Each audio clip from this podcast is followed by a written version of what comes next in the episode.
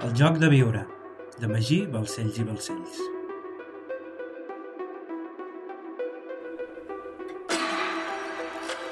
Tercer plat. Salmó poixer amb salsa musselina i cogombres. Capítol 7. Els comtes de Güell. Tres quarts tocats de tres. Maria Cristina Güell va mirar el seu germà, conscient que tot havia de tenir una explicació racional, i li va preguntar. Joan Antoni, és veritat això? Pues claro que es verdad. A la recomendación de los albañiles refiero. Todo lo demás no son más que sandeces, va contestar Virginia Churruca, la seva cunyada, tot defensant el seu marit. De veritat veieu factible tot el que acaba de dir el senyor de Mercader? va preguntar el comte de Güell. Eh, no dubto de vostè, senyor Güell, va dir el marquès de Montsolís, just quan Antònia Bertran s'aixecava per anar al lavabo. Però, pel que sembla, els paletes que vostè va recomanar al senyor de Mercader hi tenen alguna cosa a veure. Els paletes me'ls va, me va recomanar tu, Joan Antoni. És o no és? va dir Paco. Sí, te'ls vaig recomanar jo, però això no vol dir ni que tot això ho hagi organitzat jo, ni que el fet que ells perdessin la clau tingui cap relació amb tota aquesta bogeria, va contestar el comte de Güell. Tot això ho ha d'haver fet algú que tingui la clau, i nosaltres no hem sigut, t'ho garanteixo. Així que ha de ser una cosa dels paletes, va dir Lluís Llorac. Que els paletes perdessin la clau no significa que els autors d'aquest mal de cap siguin els paletes, va exclamar el comte de Güell. Potser algú els va robar la clau. De què coneixies els paletes? va preguntar-li la seva germana Maria Cristina. No és cosa dels paletes, va dir el comte de Güell, n'estic segur. Joan Antoni, li va dir Lluís Ferrer Vidal, entens que si no ens expliques d'on venen i qui són els paletes i continues defensant-los i evadint les respostes, tot el que aconsegueixes és que dubtem de tu. Dubtar de mi? Va dir el comte de Güell, enfadat. La credibilitat de qualsevol persona ve determinada per la seva predisposició a facilitar qualsevol informació que se li demani. El món funciona així. Quan alguna persona o empresa és reticent a donar-me informació, són punts en contra perquè li acabi concedint un préstec, va dir Lluís Ferrer Vidal, fent un símil amb el món de les finances com a banquer que era. Així que et recomano que responguis. D'on són aquests paletes? Són els d'Eslany, Lluís, li va respondre el comte de Güell mirant-lo de forma desafiant als ulls, alhora que les millones es retiraven un cop havien escombrat tota la sala. Com? va dir Lluís Ferrer Vidal, perplex. Me parece absurdo que se esté poniendo el nombre de mi marido en entredicho.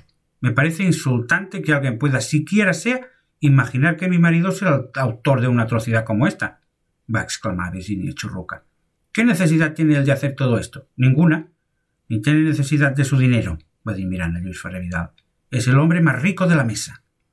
Joan Antoni Güell i López, comte de Güell, comte de Sant Pedro de Ruixenyeda i també, probablement molt aviat, marquès de Comillas i Grande d'Espanya, ja que el seu tiet matern era gran i no tenia descendència, era sense cap mena de dubte el peix més gros d'aquella reunió.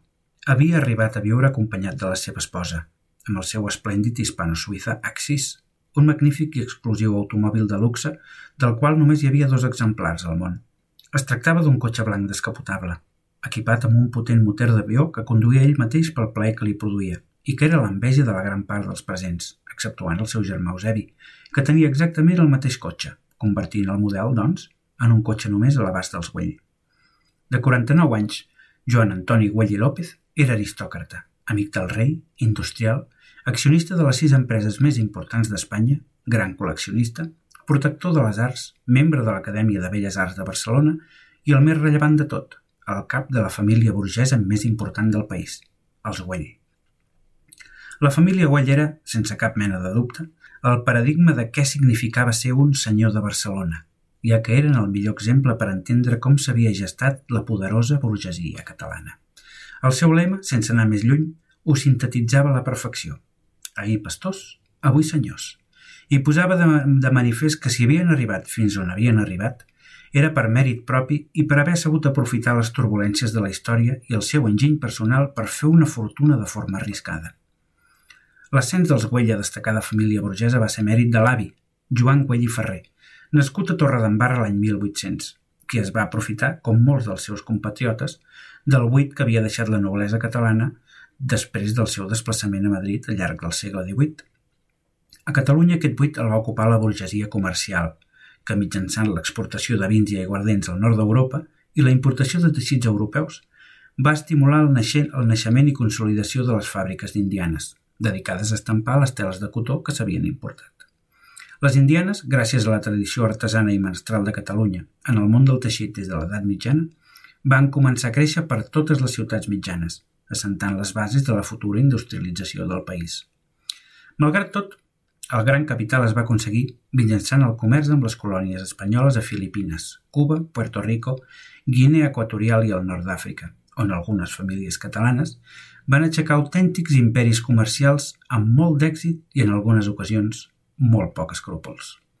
En el cas dels Güell, tot va començar quan l'avi, Joan Güell i Ferrer, va marxar a Cuba amb només 18 anys, el 1818, i en molt poc temps, gràcies a la seva habilitat, es va convertir ni més ni menys que en cap de l'associació d'empreses de l'Havana dedicades a la importació i l'exportació. Va ser aquesta posició la que li va permetre conèixer com funcionava el comerç triangular i, per tant, de quina manera podia aconseguir millorar els marges comercials en les seves transaccions i, per consegüent, fer més negoci. Com la major part de les grans fortunes burgeses catalanes, Joan Guall i Ferrer es va enriquir gràcies al comerç i als beneficis associats a la participació del comerç triangular.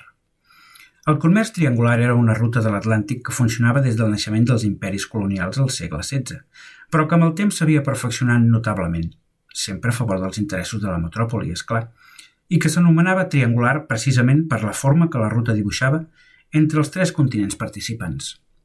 Funcionava de la següent manera. Les metròpolis occidentals europees carregaven els seus vaixells amb productes manufacturats de tota mena, en direcció a la costa occidental d'Àfrica. I allà, les èlits locals intercanviaven aquests productes per esclaus africans. Els esclaus eren carregats en els mateixos vaixells que havien sortit d'Europa i posteriorment s'enviaven a les Antilles i Amèrica, on eren intercanviats per cotó, sucre, tabac, cacau i metalls preciosos que finalment s'enviaven a Europa a un preu absolutament irrisori. Aquest sistema de comerç colonial implicava enormes beneficis per les metròpolis europees, que trobaven sortir dels seus productes manufacturats i alhora podien importar béns inexistents a Europa a un preu molt baix.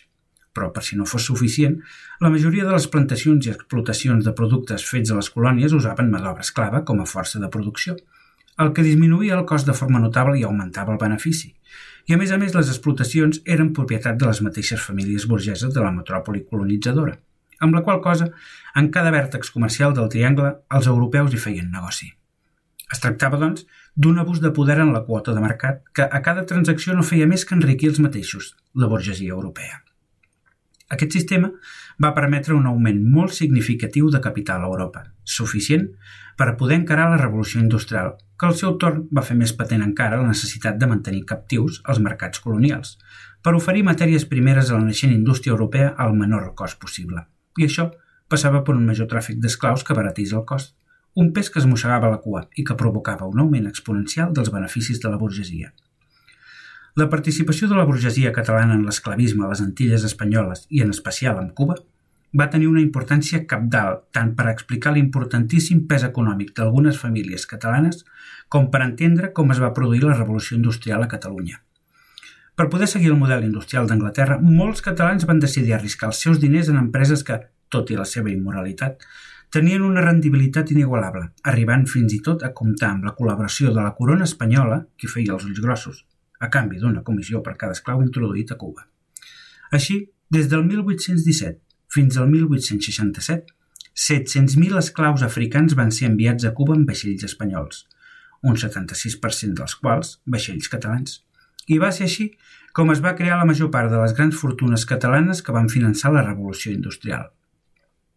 Quan el 1835 Joan Guall i Ferrer va tornar a Barcelona per invertir tota la fortuna aconseguida després de 15 anys de tràfic d'esclaus, va fundar la Barcelonesa, una foneria de ferro dedicada a la construcció de maquinària tèxtil, conscient que aquest sector acabava d'entrar de ple en la revolució industrial i que, per tant, la demanda de maquinària tèxtil era creixent. En vista a la seva habilitat, poc temps després va esdevenir membre de la Junta de Comerç de Barcelona i va continuar invertint, tot fundant una petita fàbrica tèxtil a Martorell i el Vapor Vell de Sants, una fàbrica dedicada a la fabricació de vellut, pana i cotó que amb el temps esdevindria de les més importants del país. Sense lloc a dubte, l'aventura empresarial de Joan Güell i Ferrer es va convertir en, model, en un model d'èxit, deixant de banda la inhumanitat del tràfic d'esclaus, és clar, atès que només 10 anys després de tornar a Barcelona posseïa un total de 200 talers mecànics i una plantilla de 360 treballadors. L'any 1845, es va casar amb Francisca Bacigalupi i Dolcet i fruit d'aquest matrimoni en va néixer el seu únic fill, Eusebi Güell i Bacigalupi.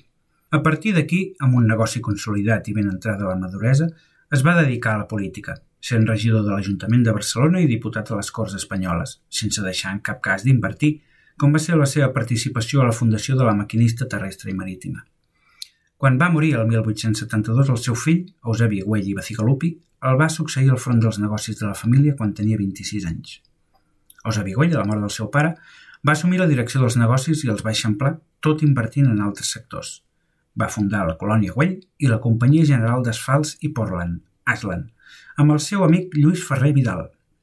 Malgrat tot, una de les inversions que li portaria més rèdits va ser el 1871, quan es va casar amb Isabel López Bru, filla del marquès de Comilles, navilier, comerciant i banquer, que també havia aconseguit la seva fortuna amb el tràfic i l'explotació d'esclaus.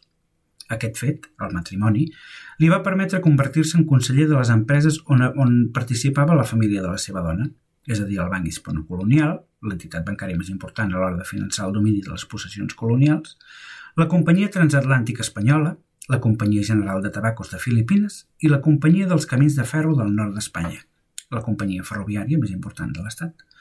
El matrimoni va suposar la unió de dues de les famílies més riques i influents del país, motiu pel qual el rei Alfons XIII els va concedir el comtat de Güell com a recompensa a la tasca de modernitzar el país.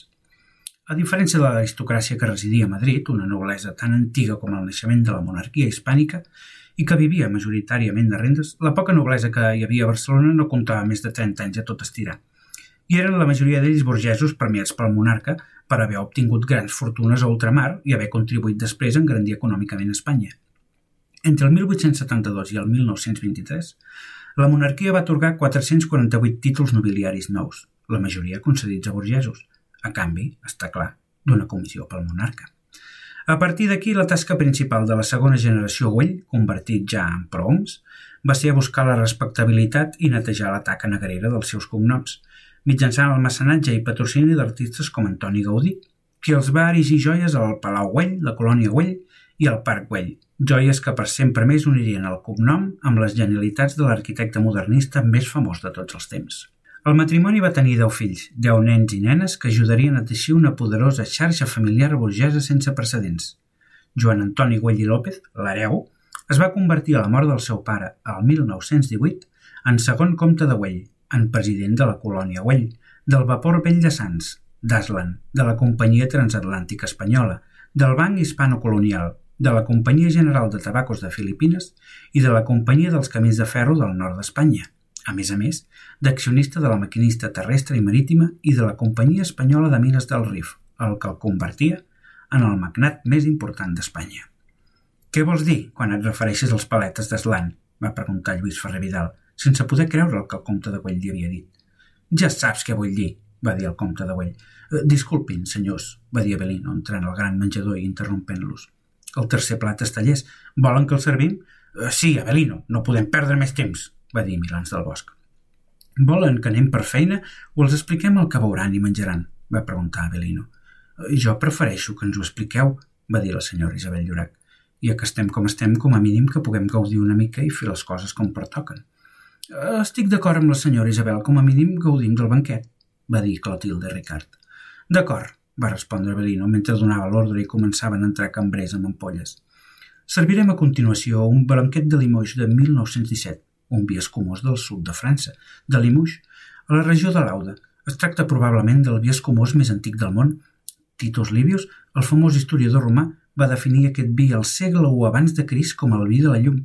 A més a més, existeixen diversos testimonis escrits que proven que aquest tipus de vi blanc tan fi i afruitat s'elaborava ja a la regió de l'Auda durant tota l'edat mitjana i sovint, mentre les portaven, a vegades alguns vins es tornaven espontàniament efervescents, així, quan els monjos benedictins de l'abadia de Sant Hilari eh, van constatar aquest fet l'any 1531, van començar a fabricar aquest vi en aquestes condicions. És a dir, des de llavors fins avui, que vagi d'agost. Lo encuentro delicioso, va dir Virginia Chorroca, alhora que Aniseta, la minyona vella, servia vi al comte de Güell. Almenys algo bueno de todo esto. Virginia Chorroca d'Otris havia nascut a Sant Sebastián el 1877, en el si d'una poderosa família xorroca una prominent nissaga basca de Motrico, d'entre la que havien sorgit els funcionaris de l'Estat, importants enginyers industrials i destacats militars amb estrets lligams amb la monarquia, que els va permetre convertir-se en potentats industrials, financers i naviliers. Virginia havia estat nomenada dama de la reina Victòria Eugènia el 1893 i havia conegut el segon comte de Güell en un banquet al Palacio Real de Madrid el 1902, al que Joan Antoni havia assistit, com tantes altres vegades, com amic del rei. Era una dona dominant, de constitució robusta i faccions dures i molt marcades, amb un nas prolongat i boca petita, que gaudia en extrem del bon menjar i a qui agradava més que res la vida de luxe que portava, raó per la qual era molt bona amiga i membre del club de festes de la senyora Isabel Llorac. Com a comtessa de Cuell i com a xorruca, era una dama agradable i que sabia guardar les formes i comportar-se segons etiqueta, però en aquesta ocasió, que s'estava posant en dubte la, la seva honorabilitat, no podia reprimir-se.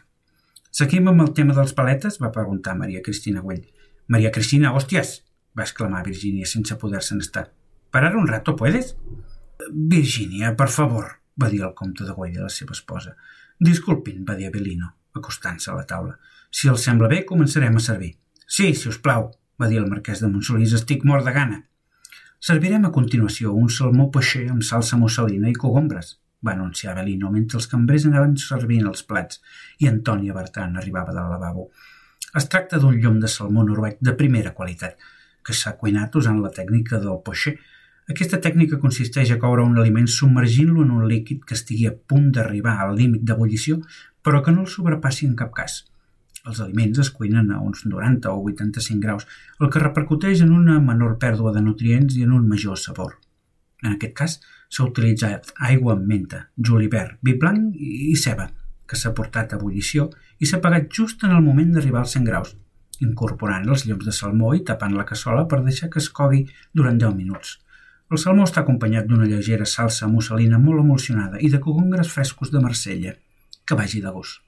L'olor era exquisida i a mesura que els cambrers anaven deixant els plats a taula, els comensals s'acostaven tot olorant-los i tancant els ulls.